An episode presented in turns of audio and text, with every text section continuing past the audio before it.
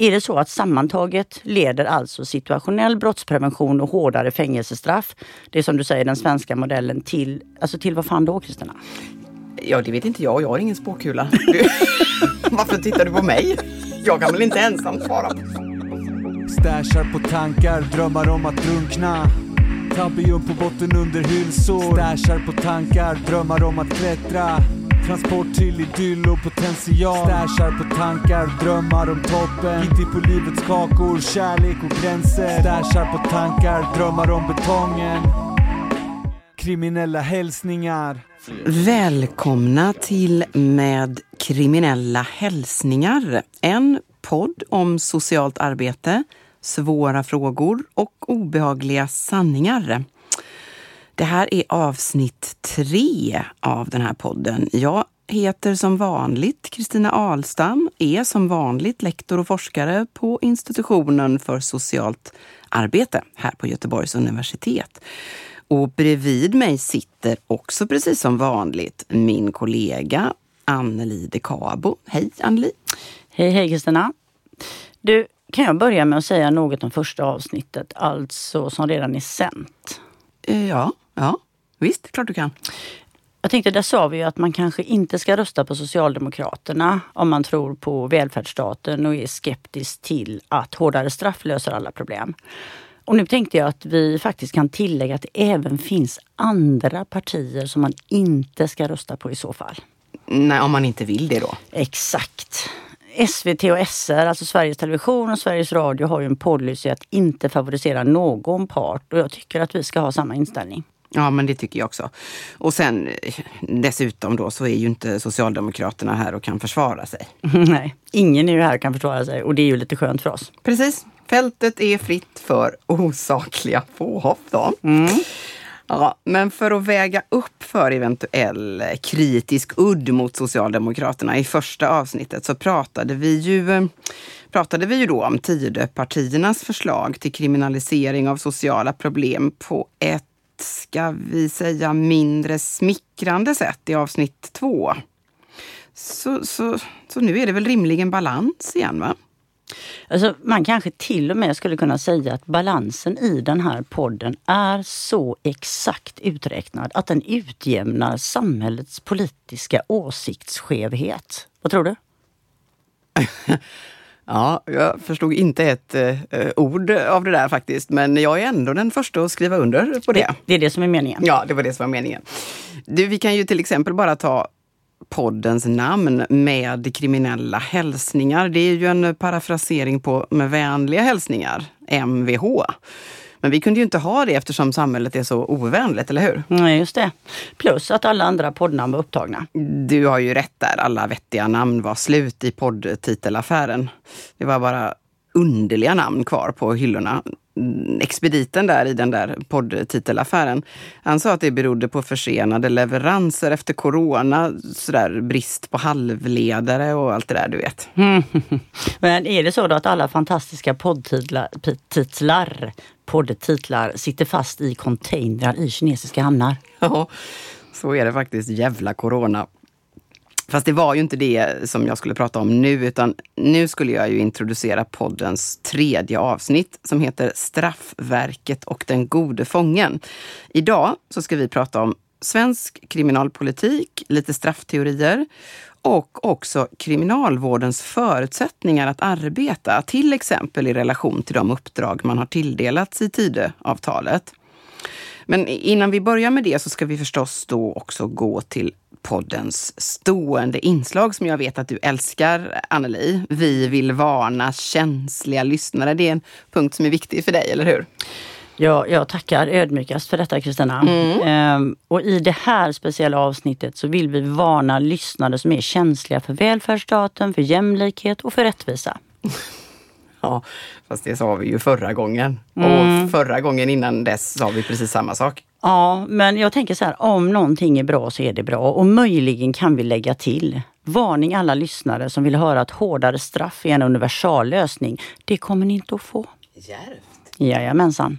Men du, ska vi gå över till dagens avsnitt? Japp.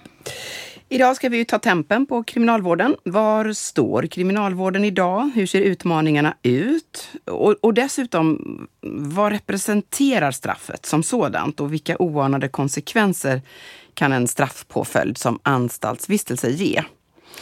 Och för att svara på några av de här frågorna så har vi i det här avsnittet en eminent gäst.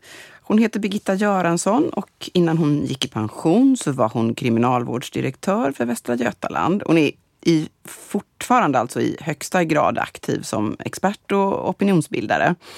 Och jag vet inte, man kanske kan säga att hon egentligen aldrig har lämnat kriminalvården, men det kan hon få invända mot eventuellt sen. Hon är också hedersdoktor på vår institution, Institutionen för socialt arbete vid Göteborgs universitet. Men som sagt, hon ska få presentera sig själv eh, så småningom. Mm, yes, och vi ser fram emot väldigt spännande samtal med Birgitta. Men jag funderar på Kristina om vi ska börja som två torra forskare och prata om lite olika sätt att förstå brott och straff. Och kanske fundera lite på vilka straffteorier som ligger bakom det som på engelska har kommit att kolla, äh, kallats för the punitive turn. Alltså den straffande vändningen och lite grann kring vilka rationaliteter som ligger bakom alla dessa straffhöjningar som numera kommer i parti och minut. Alltså oftare vad jag byter underkläder. Nej men Anneli, inte börja med men underkläderna. Nej, vi har ju pratat om detta. Detta är ett jättebra Nej, mått. du chockskadade vissa segment av lyssnarna i första avsnittet när du började prata om dina underkläder. Alltså skilj nu på det personliga och det privata. Det kan jag inte. Nej, det kan du inte.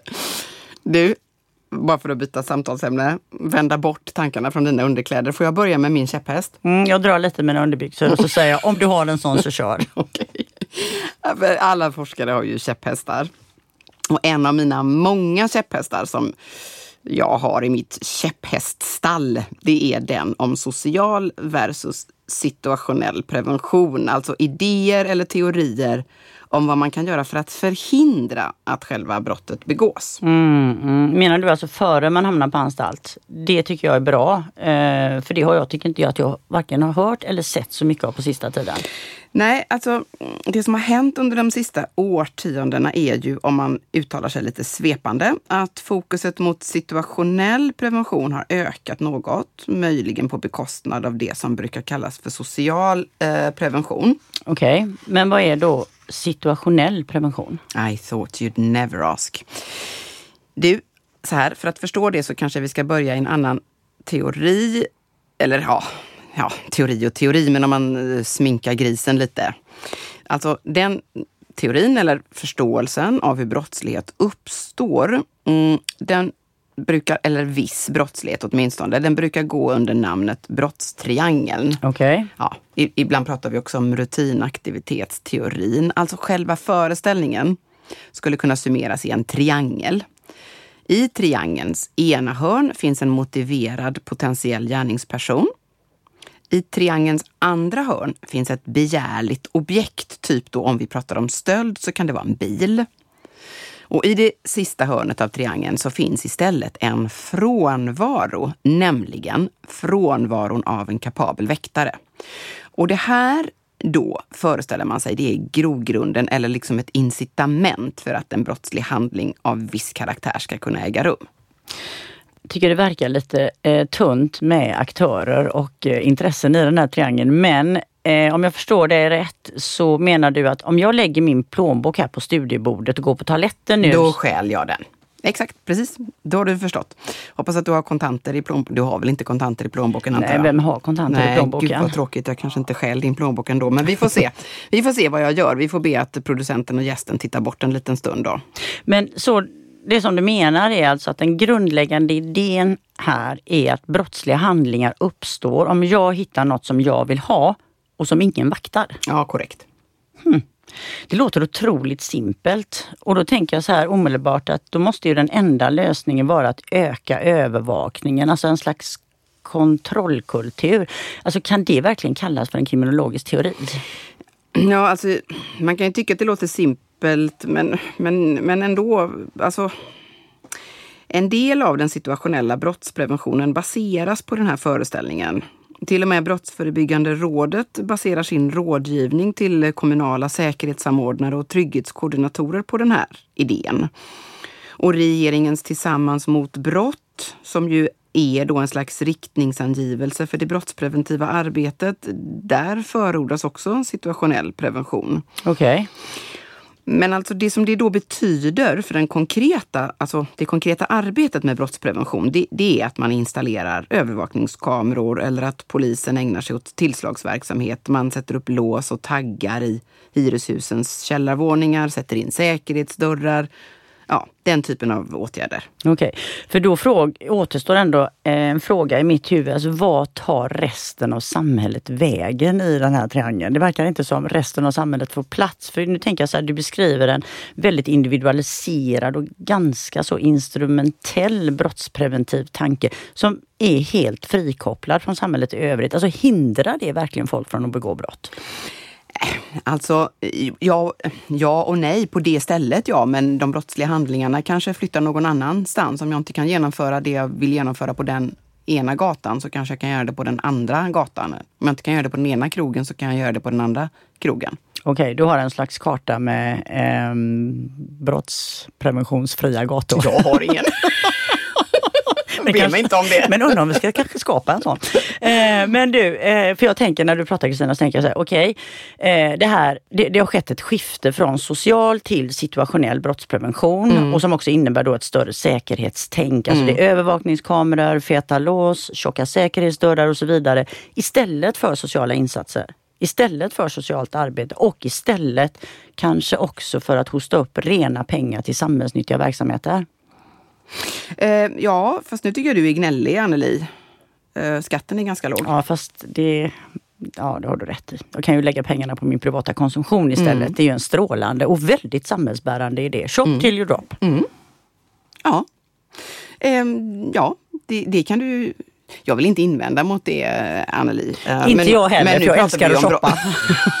Så det är inga problem för mig. Men jag vill säga, eftersom vi så, har anslagit den här väldigt neutrala tonen, så vill jag passa på att säga att när vi pratar om den här typen av eh, preventionsideologi, mm. då pratar vi alltså om både borgerliga och socialdemokratiskt ledda eh, regeringar. Alltså man trycker på situationell brottsprevention ifrån båda flanker så att säga. Okay. Så det här är liksom ingenting som är nytt Eh, eller som har skett igår. Men det finns ju lite mer att säga om brottsprevention. Det finns väldigt mycket att säga om brottsprevention men mm. vi hinner inte riktigt det nu. Men, men det är viktigt att säga att den här idén om brottsprevention den finns på så att säga inom hela det politiska spektrat. Och det är också bra att påpeka att brottsprevention liksom inte är en objektiv vetenskap och det är svårt att till och med säga att det är någonting alldeles objektivt positivt. Okay. För att de verktyg eller de insatser som man väljer då för att få till en effekt eller de sätt som man kartlägger personer som avviker från det ökade önskade tillståndet. Alltså alla de här är ju i sin bottensats mer eller mindre politiska. Och det är inte jag som säger det, utan det har påpekats av en ganska stor kader forskare inom fältet, bland annat professor Ingrid Salin. Alltså det vill säga så här, hur vad man menar är väl ungefärligen att hur brottsprevention designas, det beror till vissa delar på politisk konjunktur. Och samhällen har ju i alla tider försökt hitta finna fram till avvikelser på olika sätt. Och så har man försökt att anpassa då den som avviker till de sociala normer som för tillfället råder. Okej. Okay. Och då tänker jag att du säger för tillfället och för tillfället kan ju faktiskt vara i detta nu då. Mm. Och då tänker jag så här, om man ska förstå den typen av brottsprevention som du precis har beskrivit så skulle man faktiskt kunna ta hjälp av kriminologen Henrik Tam och ta utgångspunkt i vad som utmärker kriminalpolitiken idag. Och han säger att framför allt så finns det en ökad alarmism. Jag vet inte om du kommer ihåg, men justitieminister Gunnar Strömmer sa i sitt tal på Järvaveckan i början av juni så sa han att läget är mycket värre än jag trodde. Kriminaliteten i Sverige är systemhotande. Det låter illavarslande. Ja, jag vet inte varför jag fick sån konstig röst. Men... Nej, du fick faktiskt något av en spänningsromanröst där. Du kanske ska börja göra inläsningar. Precis. Mm. Men, men summan av kardemumman, alltså han vill måla upp ett samhälle, alltså landet, ett samhälle och ett land som håller på att falla isär. Och enligt hans sätt att resonera så blir det då en mycket mer expressiv politik med ett starkt känslospråk som bygger på att skapa rädsla. Och sen blir det inte helt otippat högerauktoritära partiers uppgift kan man säga, dit vi numera även räknar Socialdemokraterna. Det blir alltså deras uppgift att ta befolkningens oro på allvar genom att bjuda över varandra när det gäller straffen. Och det tänker jag sen då i relation till det du säger så blir det lite spännande med den här situationella brottspreventionen som du beskriver som det svenska tillståndet. Därför, säger Tam, i den ökande alarmismen inom kriminalpolitiken så blir straffvärdet i sig en allt viktigare motivering till en hårdare kriminalisering. Och det sker alldeles oavsett och helt oberoende eller helt skilt från eventuella brottspreventiva effekter. Alltså det, det struntar man i. Så vad kan man säga? Är det så att sammantaget leder alltså situationell brottsprevention och hårdare fängelsestraff, det är som du säger den svenska modellen, till, alltså till vad fan då Kristina? Ja, det vet inte jag. Jag har ingen spåkula. Varför tittar du på mig? Jag kan väl inte ensam svara på sådana svåra frågor. Det är därför vi har en gäst. Men, men, men jag kan ändå försöka ge mig på att typ summera lite grann. Det finns en annan kriminolog som heter David Garland. Han har pratat lite i samma fåra eller samma... Eh, ja, men han är lite grann inne på samma spår, att den här ensidiga utvecklingen av risk och säkerhetstänkande inom kriminalpolitiken, att den den liksom leder till en politikens känslosamhet, nästan mm. som en pekoral. Jag vet inte mm. hur jag ska beskriva jag det. Som i sig motiverar en kontrollkultur. Alltså, typ så här, brott är jättefarligt och vi övervakar dig för din egen skull. Och då ska jag vara tacksam? Ja, eh, det får du om du vill Anneli.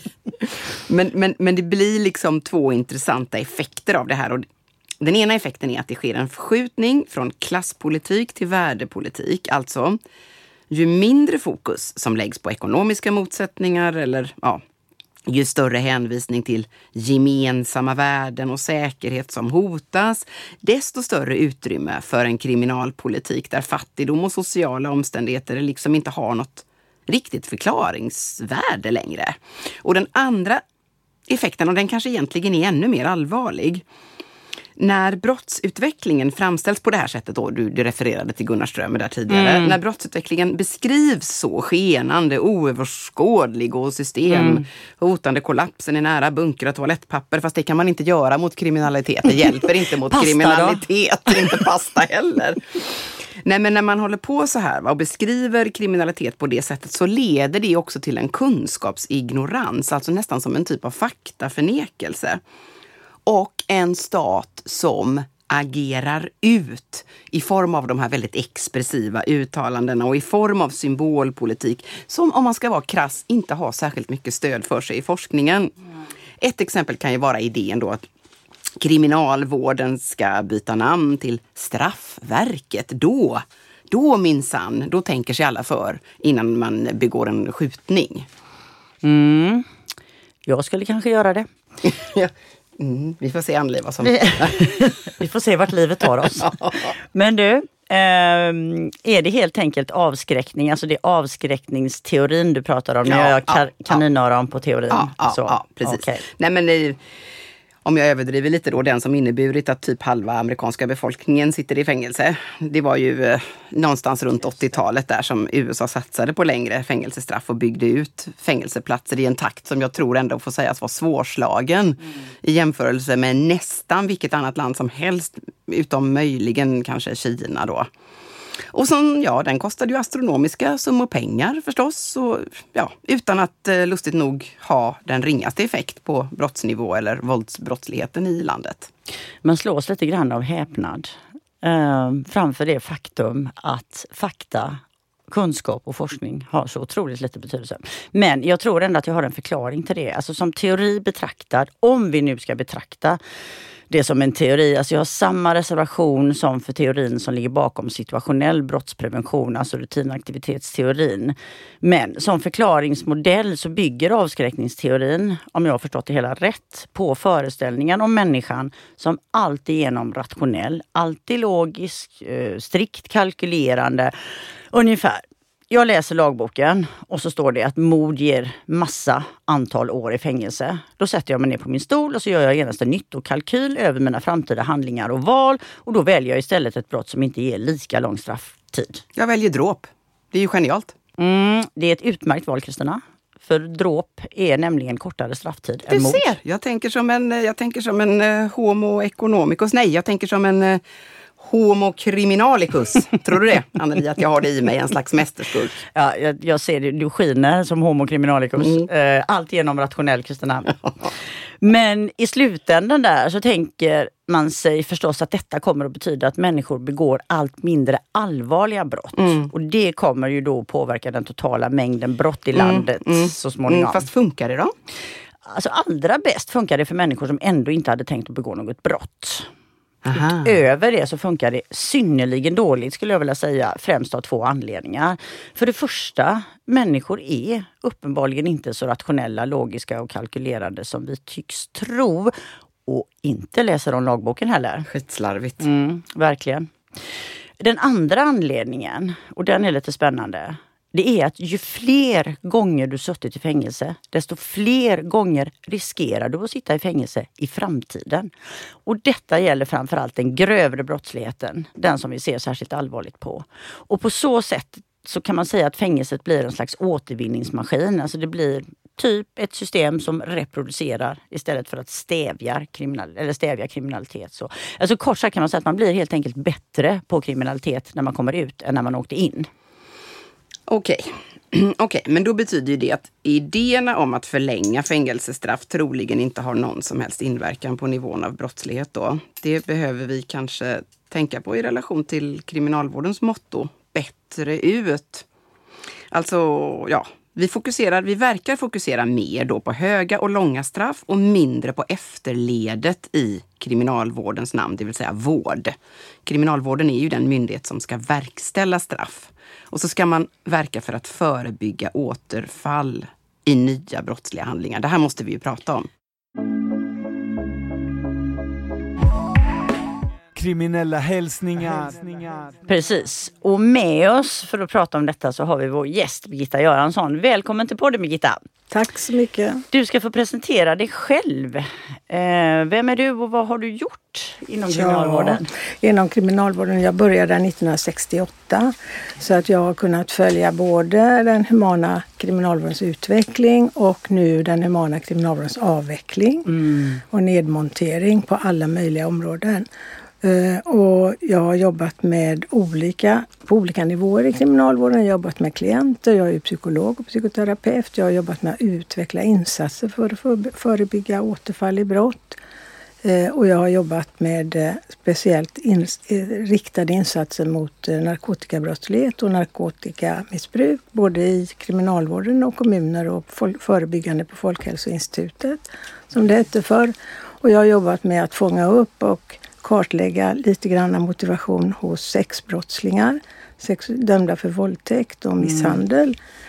Eh, och sen har jag då varit eh, regionchef i kriminalvården i Västsverige i åtta år. Det innebär att man är ju inte direkt huvudansvarig för varje beslut på fängelser, häkten och så, men man är huvudansvarig. Och så är det chefer under då som arbeta. Och i det jobbet har jag stärkt mycket förebyggande ins eller insatser för att påverka och minska återfallsbrottsligheten. Eh, Jag vet inte om vi ska börja i det här med vad kriminalvården har gjort tidigare eller om jag Alltså, ska jag börja. vilja jag har en del synpunkter på er kriminalpolitiska historiebeskrivning. får- Ja, men det är ju Det är utmärkt. utmärkt, du får jättegärna börja. Men Ja. jag vill bara säga så vi inte tappar bort, för jag tyckte det var så intressant. Alltså din, din erfarenhet och din kunskap är ju gedigen, Ja. minst sagt. Men du sa att du är också med nu om avhumaniseringen av Ja. kriminalvården. Det skulle jag jättegärna vilja komma tillbaka. Men vill du börja med synpunkter på våran... Vi får ju Ja. så sällan synpunkter. Det får inte det. Nej, det är ju, det är ju aldrig dialog. Ni har ju inga dialoger utåt. Nej. Eh, utan bara förstärker varandras myter då Precis, kanske. här är det en ekokammare skulle man kunna säga. Den Ja, perfekta det. ekokammaren. Som det kan bli. Som det kan bli. Eh, nej men det är ju inte helt ute i eh, fel som ni säger. Men det är ju mycket som... Det var skönt. ja, men jag tänker så här. Ni har en uppfattning att den situationella eh, preventionen är, den har varit den styrande. Och det är inte min bild. Okej. Utan eh, den kom då under 80-talet när man hade eh, en analys av brottsligheten och det var ju under socialdemokratiska Mm. regeringar och då man noterade, lärde sig och förstod att ungdomsbrottsligheten är väldigt situationell. Mm. Man går förbi bilar och plötsligt är det någon där som man vill ha och så, Mm. och så, gör man, och så begår man ett brott. Och därmed så menade man att kan man då skapa situationer som minskar det, till exempel rattlås, de kommer inte in, ja, då det. slutar de med brottet. Eller det är massa cykelstölder vid järnvägsstationen. Om vi vänder kioskens köer så att de står där mot, då minskar man tillfällen till brott. Så det var ingenting som grundlade straff direkt utan det Nej. var ju prevention. Just det. Egentligen så tänker, när jag tänker på den situationella preventionen så tänker jag egentligen på den sådan som den har kommit att användas idag ute i kommunerna som ett slags universalbot mot egentligen, för, man har trängt ner för mycket och man föreställer sig att den situationella preventionen ska kunna lösa mycket mer än vad den kan lösa.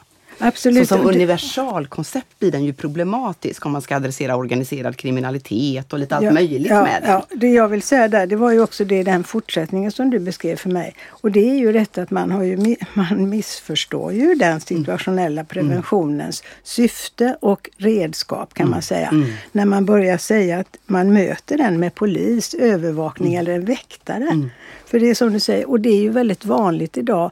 Förut när det var bråk i skolan, eller ja, på många år har det varit så. När det varit bråk i skolan så löste de vuxna lärarna det tillsammans med ja. föräldrar kanske. Nu ska man polisanmäla. Ja, så man överlämnar mer och mer till rättsväsendet. Och det kan man se då också här. Jag var inte riktigt medveten om det som du berättade, att nu tänker brottsförebyggande råden i kommunerna på det viset. Men och det, är så ju- intressant för att ja. man blandar också ihop problematik. Tänker Ja, jag. ja. Du vet när det, det står och hänger ungdomar till exempel utanför ett dagis på kvällarna. Det är ett himla stökande och gapande Mm. och de kanske dricker lite sådär.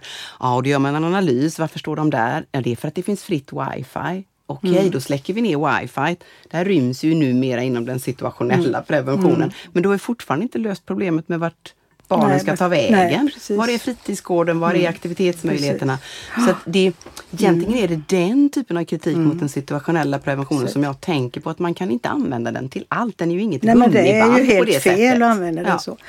Och missbrukare, där är det ju också så att där kan man ju också se, om man nu ska tänka situationellt, så är det ju de som experimenterar med droger är ju väldigt många. Och det finns egentligen inget samband mellan om du experimenterar eller och blir sen narkoman. Nej, Utan det är bakgrundsfaktorerna. Och ju fler bakgrunds riskfaktorer du har som barn eh, i, din, i din hemmiljö och i din kamratgäng och så, desto större risk är det att du fastnar i narkomani. Eller alkohol, som vi hade innan då, tidigt alkoholmissbruk. Så, så att det, och det möter man, kan man ju inte möta med strängare straff. Men där har man ju, fortsätter man ju att kriminalisera i Sverige som den enda land nästan i västvärlden, själva missbruket. Det, precis. Och det är ju den enda kategorin av sjuka människor. Nu vet vi ju det att ett beroende av narkotika är ett, ett, ett sjukdomstillstånd. När man är riktigt beroende, inte när man har ett risk, Nej. riskbeteende men ett, ett beroende. Och de sätter vi i fängelse. Ja. Och den här regeringen vill ju sätta ännu fler i fängelse. Och vill ju ta bort alla alternativ för en missbrukare. Så att drivkraften i kriminalvården var ju då att arbeta speciellt med narkotikamissbrukare. För av de som sitter i fängelse är 60 procent Ja. Eh, narkotikamissbrukare. Det ju den- var ju den största gruppen. Och då arbetade vi fram en handlingsplan 2000 som handlade om att söka upp dem på häktet, motivera dem att lägga av, skapa behandlingsavdelningar i kriminalvården och motivationsavdelningar och utsluss och samarbete och så. Eh, och också att och öka hundarna så att man fick mindre droger inne och öka kontrollen då med visitationer och besök. För det är ju där man får in drogerna. Ja, det. Och, och det är ju det här breda perspektivet man måste ha. Och det är det som försvinner nu när man proppar fängelserna fulla med intagna. Kriminalvården har, har avvecklat alla behandlingsavdelningar. De har avvecklat alla uppsökare på häktet. De har avvecklat speciella psykologer för ungdomar. Därför att de har in, dels tvingats spara, dels tvingats använda varenda säng i kriminalvården och några andra utrymmen och dubbelbelägga överallt. Detta gör att det subkulturella miljön på ett fängelse tar över. och det är det man alltid har haft i amerikanska fängelser sedan de ändrade sin kriminalpolitik på 80-talet. Och jag har ju kontakt med fångar som har suttit i amerikanska fängelser och som kunde se den förändrade attityden hos vårdare när man hade antagit den här tough on crime, heter ju den politiken. Mm. När man hade antagit den så förändrades vårdarnas inställning. De brydde sig inte om någon rehabilitering längre. Dit har vi inte kommit i Sverige. Det är inte kriminalvårdens personal som har tappat orken. Det är inte metoderna som saknas. Det som också hände i kriminalvården, det var ju det som har hänt politiskt, eller ska man säga historiskt menar jag, eh, under tiden när man försöker påverka återfall i brott. För det är precis som du sa, vi har ju två uppdrag. Kriminalvården har aldrig haft något vårdande uppdrag, men däremot att motverka återfall i brott. Och våra påverkansprogram då, som också är en behandlingsprogram i vissa, i vissa fall, eller väldigt mycket, påverkar ju och, och de har vi ju då väldigt ambitiöst lagt upp.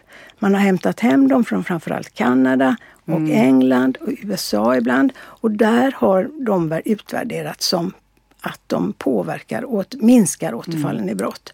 Så har vi tagit hit dem, så har man utbildat programledare, översatt dem till svenska, har en vetenskaplig panel som godkänner upplägget, prövar dem, eh, specialutbildar programledare och utvärderar.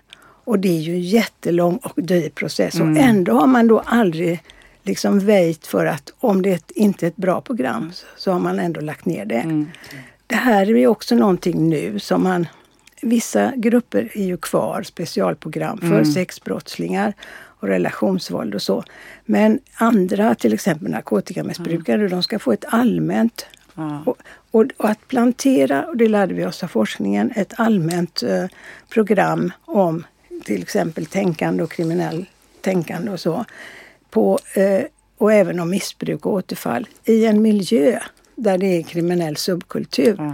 Det kan man lära sig men det blir inte någon djupare förändring. Och vårdarna har ju inte heller den möjligheten att agera stöd och goda förebilder som de har i en annan miljö.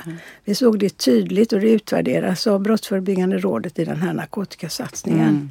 Som ju visade sig ha effekt på återfallen.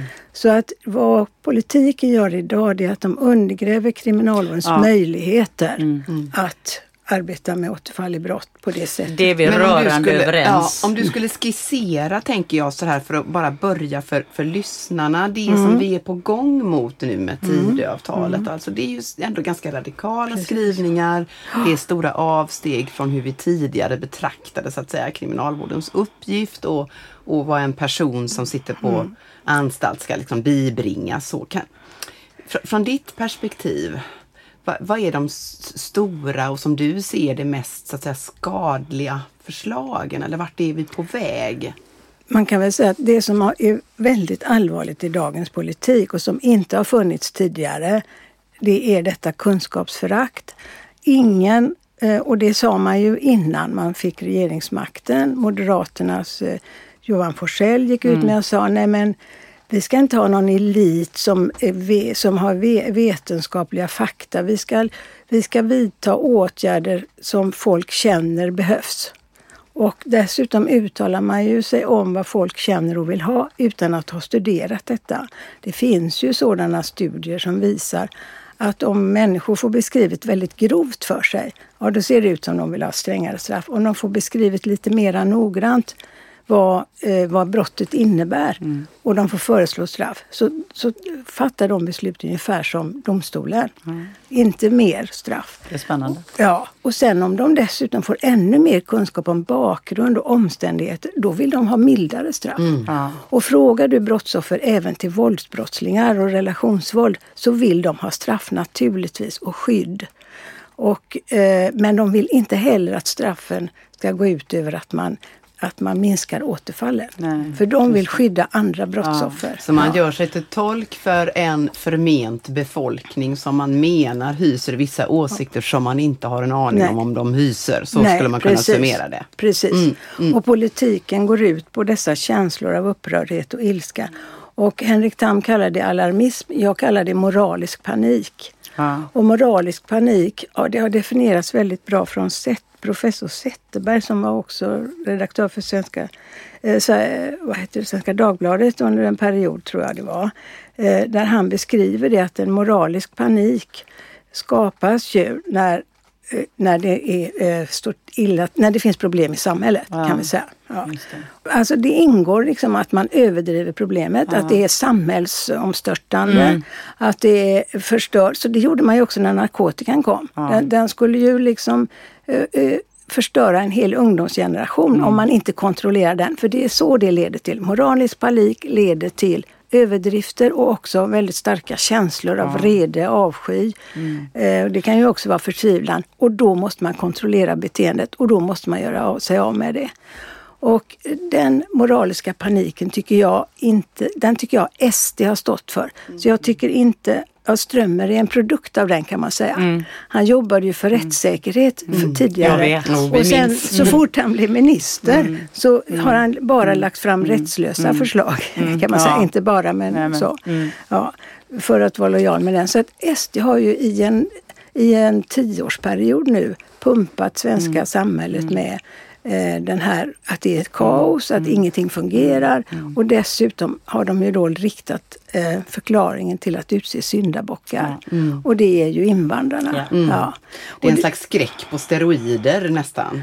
Uppumpad. Ja, ja, det är en väldigt uppumpad känsla. Och den kaoset, de glasögonen som SD har haft i många år, de har ju till en del då när det kommer till rättsväsendet stämt med Moderaternas hårdare straff och så. Och KD har ju utvecklats åt det hållet. Det får man säga. Med hjälp av Ebba Busch då, så de har ju inte någon kristen eh, kärleks... Inte så mycket omsorg om nästa, nej. nej.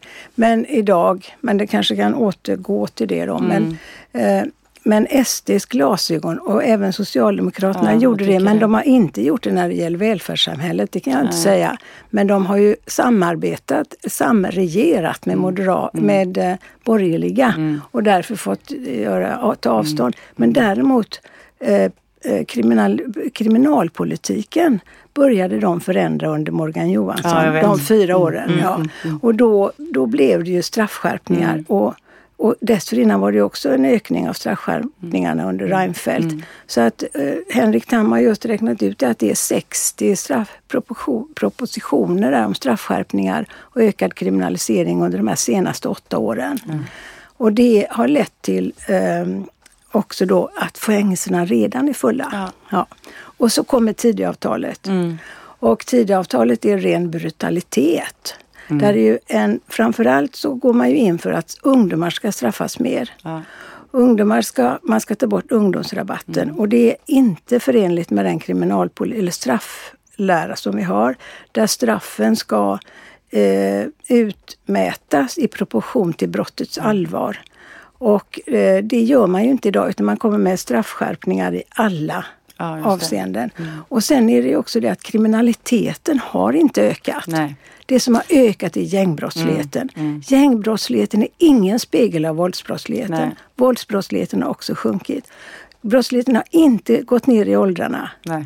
Nej. Så att alla de här fördomarna har man nu skapat en politik för att möta med hårdare tag, mer straff och eh, det här kommer ju att leda till, och så har man då urholkat kriminalvårdens möjligheter att förebygga eh, också med den här eh, Jag tänker att det är något, jag tänker att det är oerhört allvarligt för kriminalvården som är så otroligt, alltså som har ett jätteviktigt samhällsuppdrag. Att underminera deras verksamhet, eh, montera ner deras kunskap, inte ge dem de förutsättningarna som finns för de kanske jobbar med eh, jättesvåra problem. Ja, absolut. Tänker jag. Så det är ju kanske något av det allvarligaste Ja. i Tidöavtalet. Ja, det är det. Och så är det ju eh, väldigt allvarlig grund i den här politiken, det är deras människosyn. Ja. Att människovärdet nu är devalverat. Och det är inte längre ett, människan inte läng, har inte lika värden utan människor har ett värde i form av vilket ekonomiskt värde de har för Sverige. Och det avspeglar ju sig i migrationspolitiken också. Och det är klart att de här, eh, det här är ju inga lösningar där man räknar ekonomi när man tillsätter fängelse, mer fängelse för det finns ju ingen dyrare kriminalpolitik. Det kostar ju en miljon att bygga varje fängelse plus, eh, och, eh, per plats. Och sen kostar det en miljon att driva fängelsen. Mm. Så att det är ju enorma kostnader och det minskar, som ni sa tidigare, det minskar inte, påverkar inte brottsligheten. Nej. Utan det kommer, jag tror ju att det kommer att öka mm. återfallen. Mm. Och vi kommer att konservera en ja. kriminell identitet mm. hos de här ungdomarna som vi sätter in. Mm. Och och det är också så obehagligt det här att man anser att ungdomarna är lika skyldiga till ett brott som en vuxen. Mm. För mm. de är ju inte färdigutvecklade mm. förrän de är 25. Och nu har man ju redan tagit bort ungdomsrabatten mm. för ungdomar mellan 18 och 20 år. Mm, mm. Och Det innebär att om det är en, en ungdom mördar så får han straff som om en vuxen med väldig planering och genomtänkt och hänsynslöshet också mördar. Så kan ju då, de sätter ju ungdomar nu på livstidsstraff och så. Mm. Eh, mm. och, och som man inte gjorde förut. Och sen försöker man också nu att jobba för att sänka myndighetsåldern, straffmyndighetsåldern. Ja, mm. Oerhört allvarligt ja. också. Eh, därför, och det har man ju prövat i Danmark. Och man fann ju då att det ökade brottsligheten i de yngre mm. grupperna. Vi kanske redan ser lite grann av detta med tanke på de senaste våldsdåden som har utförts av alltså 14-åringar. Mm, alltså, så att effekten ja. låter ju inte vänta på sig heller. Nej, och där är det ju så att om man nu... Det, det som är så obehagligt med den här regeringen är också att de plockar upp enstaka saker ifrån till exempel Danmark. Mm. Men inte all kriminalpolitik. Mm. Danmark har halvtidsfrigivning. Mm. Ja, Norge har inte livstidsstraff, mm. därför har de förvaring. Mm. Och, och, om jag jämför när jag tittar på brottslingar så är det ju sådana som Breivik och så som sitter på förvaring. Det är mm. ytterst få men mm. väldigt farliga brottslingar mm. och det behövs ju. Men våra livstidsdömda sitter ju dubbelt så länge som en som har mördat. I, om man tänker någon av de här morden som är gängkriminella lite grann eller lite eh, politiskt motiverade. Eh, unga, de får, de, då får man, eller även äldre vuxna, ja, 10, 20 års fängelse är maxstraffet. Och då kommer, går man ju ut på två tredjedelar, det gör man ju i hela, hela världen, ja. västvärlden i alla fall. Eh, utom man ska inte göra det här nu då, för det vill de ju också förlänga. Ja, mm. ja, och eh, i Sverige sitter den typen av brottsling som jag också följt livstidsdömda nu i några år här, några stycken för att se. De får ju, de får ju 40, 30 35-40 år kan de få. Alltså så de sitter ju 20 år i, i fängelse. Mm. Mm. Eh, alltså dubbelt så mycket mm. nästan mm. som eh, över, över 20 år. Då. Mm. Så att um, vi har alltså en hårdare tillämpning. Mm. Vad, är, vad är det, när man tittar på den här, de här förslagen mm. Eh, och Tidöavtalet, vad är det så att säga, om du skulle försöka beskriva vad är det för syn på brottslighetens orsaker som man har baserat Tidöavtalet på? Vad är det för idéer om hur brottslighet uppstår? Man har ju, alltså jag ser inga, alltså de har ju inte gjort några analyser. Inga analyser av brottsligheten uppstår, inga analyser av situationer där brotten finns. Utan det är byggt på känslor av hämnd, tycker jag.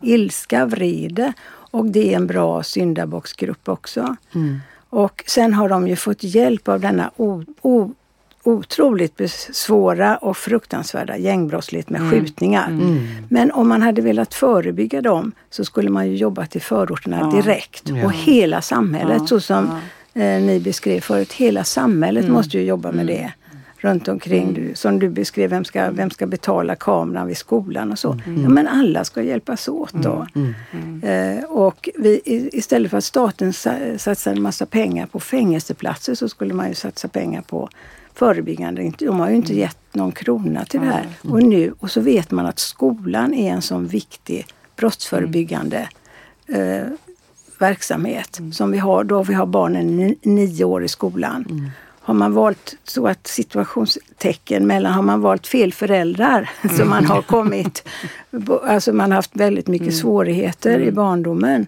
uppväxten och missbruk och sjukdom och, mm. och allt vad det kan vara och kriminalitet och sådär. Eh, då är ju skolan den vändpunkten. Som man, och det vet vi ju, att vissa skolor fungerar fantastiskt Mm. men de kan inte hålla sig i en avmagrad budget. Nej. Nej. Och det är ju inga pengar Nej. egentligen. Mm. Och där tänker jag att det, där, det är, eftersom kommunen räknar pengar år från år Mm. så, så, går, så det kan man inte, man måste räkna långsiktigt. Mm. Och skillnaden mellan oss och Danmark är att de har under tio år arbetat med att minska rekryteringen till gängkriminella. Med att fånga upp sådana här barn som är på väg i 10-12 årsåldern åt fel håll i olika gäng. Man har satt in en fritidsledare, en lärare och eh, någon som tar eh, hjälp, stöttar föräldrarna. För det är vi ju också väldigt dåliga på. Och här är det ju så att man skamlägger ju brottslingarna, man skamlägger deras barn, man skamlägger deras ja, eh, boende. Så det är fullt med diskriminerande och rasistisk politik som utvecklas nu. Med SD som eh, vad ska man säga, drivande kraft. Dirigenterna skulle man väl just kunna det. säga. Ja, Mm, precis. De håller i taktpinnen. Ja. Och orkestern är väldigt dyr, lydig. Ja. Dyr också blir det för Ja. oss med skattekronor när man har dessa fängelser och Ja. säkerhetsfängelser som Ja, ska byggas precis. upp. Ja. Så att, eh, Men de spelar bra. ja. Ja. om man gillar den typen av Mm, musik. om man gillar den typen av musik. Men jag tänker också så här om man rent konkret ska prata om eh, vad som skulle bli effekterna då för till exempel kriminalvården. Om nu Tidöpartiet, det är genom, vi säger att det genomförs i sin fulla prakt här. Va? Eh, eh, då är ju flera företrädare från kriminalvården som har gått ut och sagt okej, om det här ska kunna genomföras behöver vi bygga någonstans mellan 11, kanske uppemot 16 nya fängelser. Vi behöver anställa i häradet 3 till 5 tusen nya medarbetare. De ska utbildas så att de någorlunda klarar av sin... Alltså för generaldirektören har gått ut och sagt att det här är en ödesfråga. Och då när man, när man, när man hör det här, va, det, det, det, det, kan ju vem som helst, vi behöver inte vara nationalekonomer för att förstå att 11 till 16 fängelser, det är ingen billig historia, det tar vi inte av veckopengen. Nej. Och 3 till 5 tusen nya medarbetare blir också eh, tämligen eh, dyrt. Om du får tag på dem. Om du Ja. överhuvudtaget Mm. Hittar dem. Och de ska vilja stanna. Det man ska göra ge dem arbetsvillkor som gör att de stannar och så va? och blir någorlunda vettiga. Alltså då kan man ju plötsligt hamna i frågan, är det här retorik? Ska vi förstå delar av Tidöavtalet som bara liksom att man bröstar sig och pratar med brösttoner? För i mina ögon så låter detta oerhört svårt att genomföra i praktiken. Bara att bygga 11 till 16 fängelser låter för mig. Och det kommer ju inte att finnas på plats för väldigt länge. Och sen står Nej. de där och kanske, för kriminalitet, eller vad, beläggningen i fängelse har ju sjunkit och ökat. Men nu har det ju ökat med 50 procent och kommer det öka med 50 procent till. Så det blir 100 procent mer fängelseplatser i Sverige. Till skillnad från resten av Norden. I, i, I Finland har de inte ökat det alls. Utan de har istället gått in för att eh, öka eh, att man avtjänar fängelsestraff på andra sätt. va. Och här i Tidöavtalet står det att man ska minska de möjligheterna att du, om du har korta fängelsestraff, att du kan avtjäna det med boja eller så. Och bojan har ju jättelåg återfallsfrekvens. Det är en väldigt bra påföljd för väldigt många missbrukare också. De kommer under vård, det är ständig kontroll. Men så. då menar du att det som kommer att ske, om man ska vara liksom superpraktisk, det är att vi kommer inte alls att kunna bygga 11 till 16 anstalter utan vi kommer satsa på att klämma in så mycket människor vi kan i de existerande fängelser vi har. Med överbeläggning Ja, och då är det ju, ja, och det är det ju redan. Mm. Så jag vet faktiskt inte, jag, precis som du, hur ska detta gå ihop? Eh, och, därför, och sen påverkar det inte kriminaliteten. Så mitt hopp är väl att, det, att vi får byta regering och kriminalpolitik. Mm. Som bygger på kunskap och faktaanalys och åtgärder som har effekt. Eh, Alltså här har man höjt alla straff för alla kategorier Mm. av brott för att man är upprörd över gängbrottslighet Ja. istället för att analysera den. Mm. Och där är det ju så att gängbrottsligheten har ju professionaliserats på det viset att den är mer internationell nu. Att det kan vara en svensk som åker ner till eh, Spanien och sitter där och administrerar allt från Sydamerika och har kunskaper om vem i olika förorter som kan vara mellanhand och sådär. Men då är det ju många andra inblandade så när man tar hela gänget så ser det ut som det inte är några svenskar. Nej, det. Men det kan ju vara Mm. så på det viset. Eh, och så, ja. Men jag, jag tänker så här Birgitta, ehm, det som, utifrån det som vi har pratat om nu. Då funderar jag om det blir svårt att hämta hem eller hämta tillbaka den kunskapen, det sättet att bedriva kriminalpolitik och inte minst att motivera en annan typ av kriminalpolitik som vi har idag. Alltså att göra den här giren. Är det möjligt? För min, när jag bara tänker så här mellan tummen och pekfingret, det här är inget vetenskapligt. Men när man väl har gått i det här, alltså hårdare straff eller man har gått i en riktning så kraftigt under så pass lång tid som vi ändå har gjort nu. Så är det inte så lätt att vrida tillbaka. Eller, byta riktning. Det är jag lite orolig för. Och framförallt så man inte längre betonar att alla människor har lika värde. Nej. Och att man bygger så mycket på att man stöter ut invandring. Ja, så vi lever ju på dem. Det är ju de som bär upp hela offentlig sektor med 50 procent i vården och 60 procent i hushållstjänster och tra- transporter och så vidare. Och, så vidare.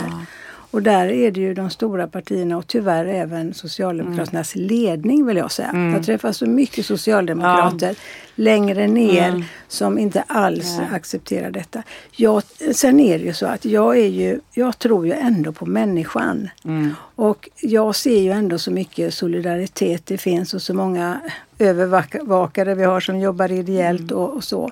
Eh, och om vi inte hinner förstöra hela samhället utan ökar istället integration. För det var ju rätt sorgligt att höra, tycker jag, att inte ens på 6 juni kunde vår statsminister tala till hela folket och inkludera det, utan han välkomnade de som hade blivit, fått medborgerliga rättigheter och måste samtidigt säga att alla var skulle man ju inte, skulle inte kunna få det, man måste ändra på det och så, för vissa är ju inte ja, fullvärdiga. Sa han det i sitt tal? Ja, han sa det i ett tal som han höll till, eh, från sin sommarhuvudstad till eh, Okej. Det är ju spännande. Ja, ja, jag tänker det. Alltså för det. Problemet i vårt samhälle är ju den eh, ekonomiska ojämlikheten som sen har skapat den här oron och, som ju, och den segregationen. Och det sa kriminologerna redan på 90-talet. När man ville att de skulle ställa prognos, prognos om kriminaliteten. Och då svarade de så här, ja det beror på hur mycket segregation vi tål. Mm.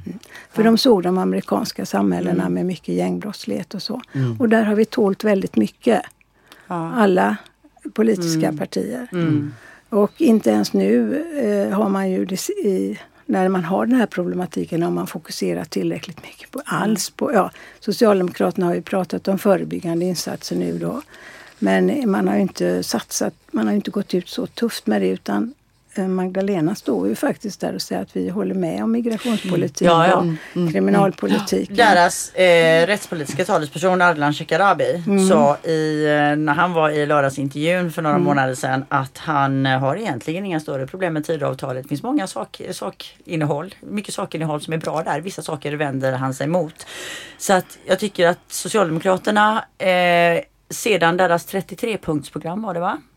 Det med, med januariavtalet. Mm, Ja, Eller? nej, alltså det här, nej, det, det ingår inte i januariavtalet Nej. utan 30 eller 33 punktsprogrammet som kom Ja. ett, ett och ett halvt år innan valet Mm. tror jag. Det har jag läst igenom eh, och där är inte mycket av prevention. Nej. Nej, förfärligt. Preventionen lyser med sin frånvaro Mm. skulle jag säga.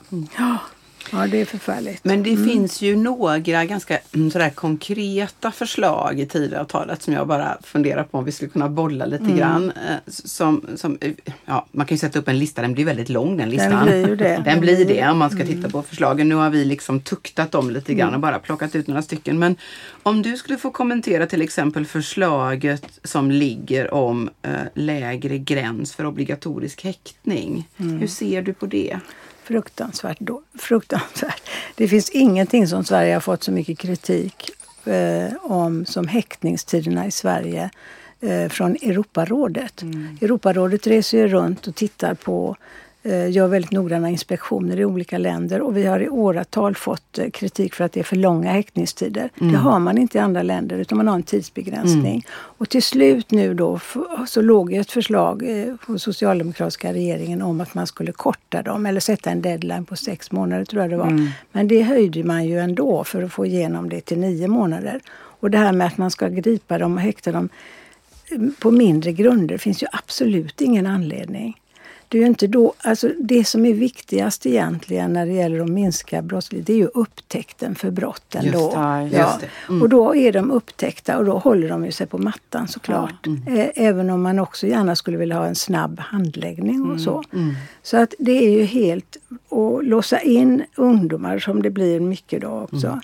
eh, på häkten är ju alldeles förfärligt.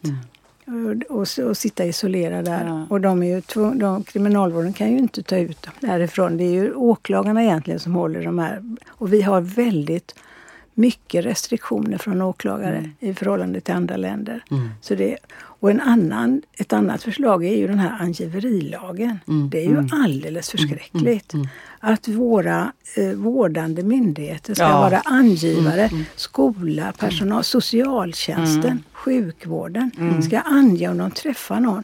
Det, det finns ju inte i våra etiska regler. Det finns ju inte i sjukvårdslagstiftningen. Det finns ju inte. Om någon från regeringen lyssnar, vi kommer icke att angiva en enda person från socialt arbete. Det är bra.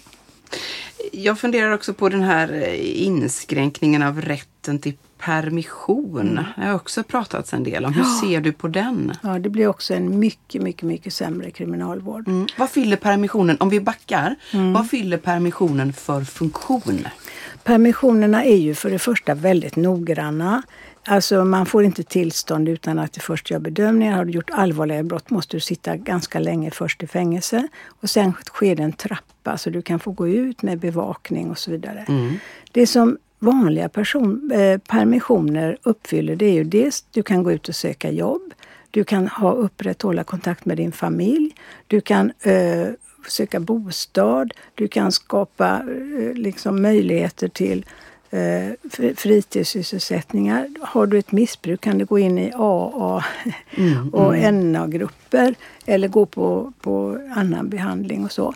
Eh, permission, för att kunna återta ett vardagsliv efter ett långt fängelsestraff är det nödvändigt att få komma ut. Bara att komma ut och möta andra människor, bara lära sig om hur samhället fungerar, åka bussar. De kan ju ingenting när man sitter i fängelse. Nej, och eh, möta vanlig, vanligt folk, våga vara. Och alla som jag har träffat under åren som har suttit länge i fängelse, de känner att de har en stämpel i pannan. Alla ser att jag har suttit i fängelse. Alla känner skamkänslor, alla har svårt. Så att när vi fick permissionsregler så har det ju bidragit till väldigt stor hjälp för återanpassning till ett socialt liv. Och det är väl det vi vill. Vi vill ju inte att de ska återfalla i brott. Och för barnens del är det ju väldigt viktigt att kunna ha... Nu har kriminalvården jobbat mycket med barn och barnbesök och barnombudsmän. Och, och, och eh, pappor har fått prata in sagor som de Ja, läser för barnen. Och, eh, och, men, och de har lärt sig också, vi hade föräldrautbildningar som jag startade förresten i kriminalvården så att de kunde lära sig om barns utveckling och sådär. Så det är ju väldigt viktigt att de får träffa pappa och då kan man ju göra det under olika former och vi har ju föreningar idag som Bryggan som är med och ser till att det blir en bra permission och sådär. Eh, och, eller mamman. Ja. Ja. Eh, så, Det ska vi inte glömma. Nej, verkligen inte. Det, de är ju bara 5 procent, därför får Ja. de, men de är ju Ja, jätteviktiga. Ja. Ja. Det har ju argumenterats för, och det har man ju hört i perioder sådär, att permissionerna är för slappa och folk avviker och det missbrukas. Ja, skulle du vilja kommentera den typen av, det är ju nästan som folkloristiska föreställningar Ja. om liksom, ja men att man släpper dem på jättelånga tyglar och de kommer inte tillbaka och det är jättestor misskötsamhet kring permissioner. Men från ditt perspektiv, vill du kommentera den typen av Ja. föreställningar? Alltså det är otrolig skötsamhet i permissioner. Eh, Det är väldigt få procent som inte sköter en permission. Och då, med ibland, när kriminalvården räknar misskötsamhet så räknar de ju att du kanske kommer i tid men du är påverkad av alkohol. Då har du misskött den. Så att det här med avvikningar och när, när vi hade de här fruktansvärda dåden i Malexander så var det ju en som var på permission. Då re- reagerade ju hela kriminalvården och stärkte, tog bort massor med permissioner. Eh, för, fast det inte var, sen utvärderade man det. Och den, eh, det var ju ett enstaka mycket stort undantag. Det, är sällan, det är sällan någon återfaller i sådana grova brott under en permission. Och de får ju inte dem förrän väldigt sent på sin verkställighet. De får någonting som kallas för lufthålspermission om de sitter på livstid eller så, när det har gått ett visst antal år mm. eh, inlåsta i fängelset, så får de lufthål och då har de med sig tre eller fyra vårdare med stora skyltar på sig. då kan de få gå ut ihop med dem och gå i skolan. Ja, du menar skyltar där det står kriminalvården ja, visst, och det sådär? står det ja. Kumlaanstalten Mm, eller så. mm, Ja. mm, mm. Och, och som bil också. Får jag fråga en annan sak som också har med Tidöavtalet att göra? Som jag ty- tycker också är värd att fundera över. Den här, det här förslaget om kriminalisering av rymning. Alltså påbackning av straff. En, en typ av repression om du har gjort den typen av försök. Då. precis. Hur betraktar du den sortens förslag? Alltså den är ju, tycker jag ju är meningslös. Man får ju repressioner om, om man försöker rymma. Man drar in alla tillstånd till permissioner. Man kan bli förflyttad till ett, ofta till ett fängelse med högre säkerhet. Så att din fritidsmöjlighet eller kanske dina studiemöjligheter eller, eller arbete som du har haft i verkstaden där och så eh, avbrott. Eh, och sen så tar det ju tid innan du får eh, eh, ny permission då. Och det kan ju vara så att du inte får någon permission alls innan du friges. händer ju också. Så att kriminalvården har ju verktyg för detta. Och då när man kommer med sådana förslag så vore det ju trevligt om man tittade på hur många rymningar är det?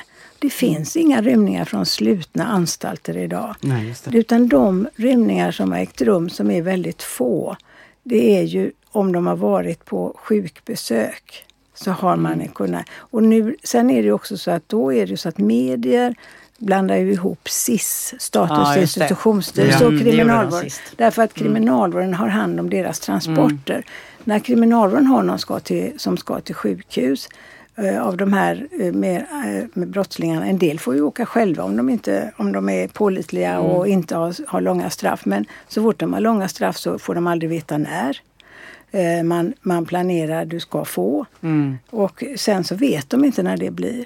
Vilket gör att man ju inte, inte kan planera. Så som det var med den här sista unga mannen som kom ifrån SIS. Han, där får de ju inte förbjuda mobiler inne på SIS. Så att det är ju eh, helt hopplöst. Ja, nu är klockan mycket. Men det betyder, om jag får ge mig på att summera det du säger här Birgitta, att det du beskriver för oss är ju en väsentligt mer komplex och mångfacetterad och månggrenad kriminalvård med fler armar, fler möjligheter, fler verktyg än de repressiva. För att, kunna, för att det du också beskriver det är ju kriminalitet i olika former. Att vi inte kan hantera det som en enda stor så att säga hydra med ständigt växande huvuden. Utan det här är olika former av normbrott eller normöverskridanden Precis. som vi behöver adressera med hjälp av olika metoder. Beforskade Ja. eh, metoder. Och sen måste vi ju egentligen ta hand om våra förorter som all, alla måste engagera sig i det. För att det det, vi måste minska jämlik, ojämlikheten ekonomiskt. Vi måste minska barnfattigdomen, den ökar ju nu.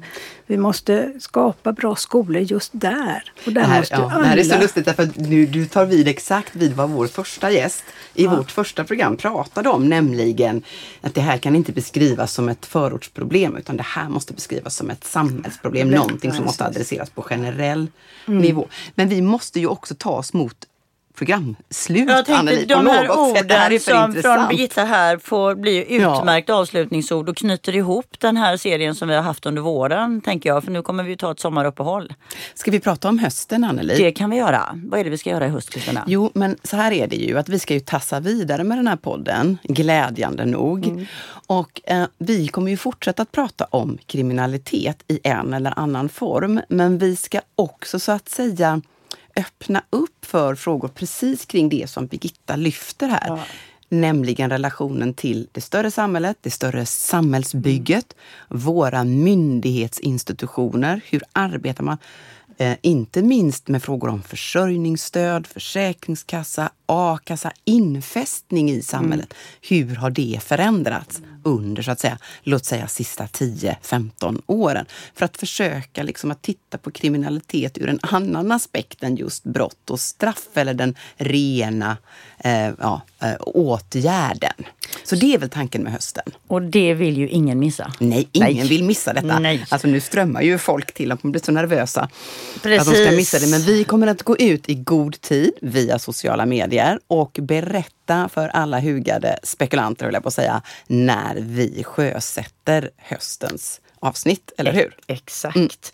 Men nu eh, återstår väl bara och eh, vad är det vi brukar säga på slutet? Så här brukar vi göra. Vi har eh, två sätt att gå mot slutet och ett sätt är ju att rikta ett enormt och varmt tack till vår gäst. Tusen tack Birgitta för att vi fick prata med dig.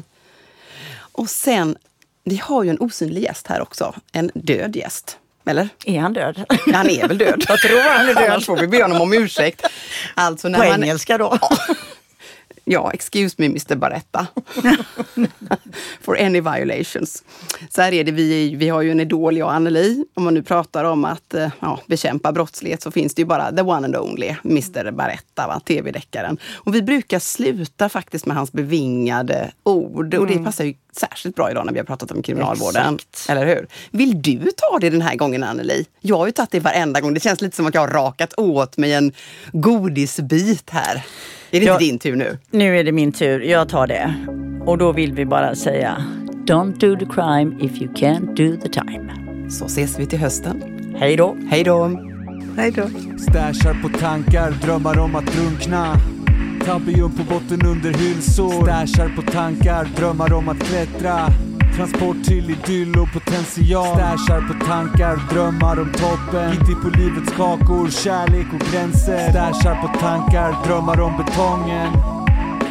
Kriminella hälsningar. Fler poliser som ska vara poliser. Eh, men också tuffare straff.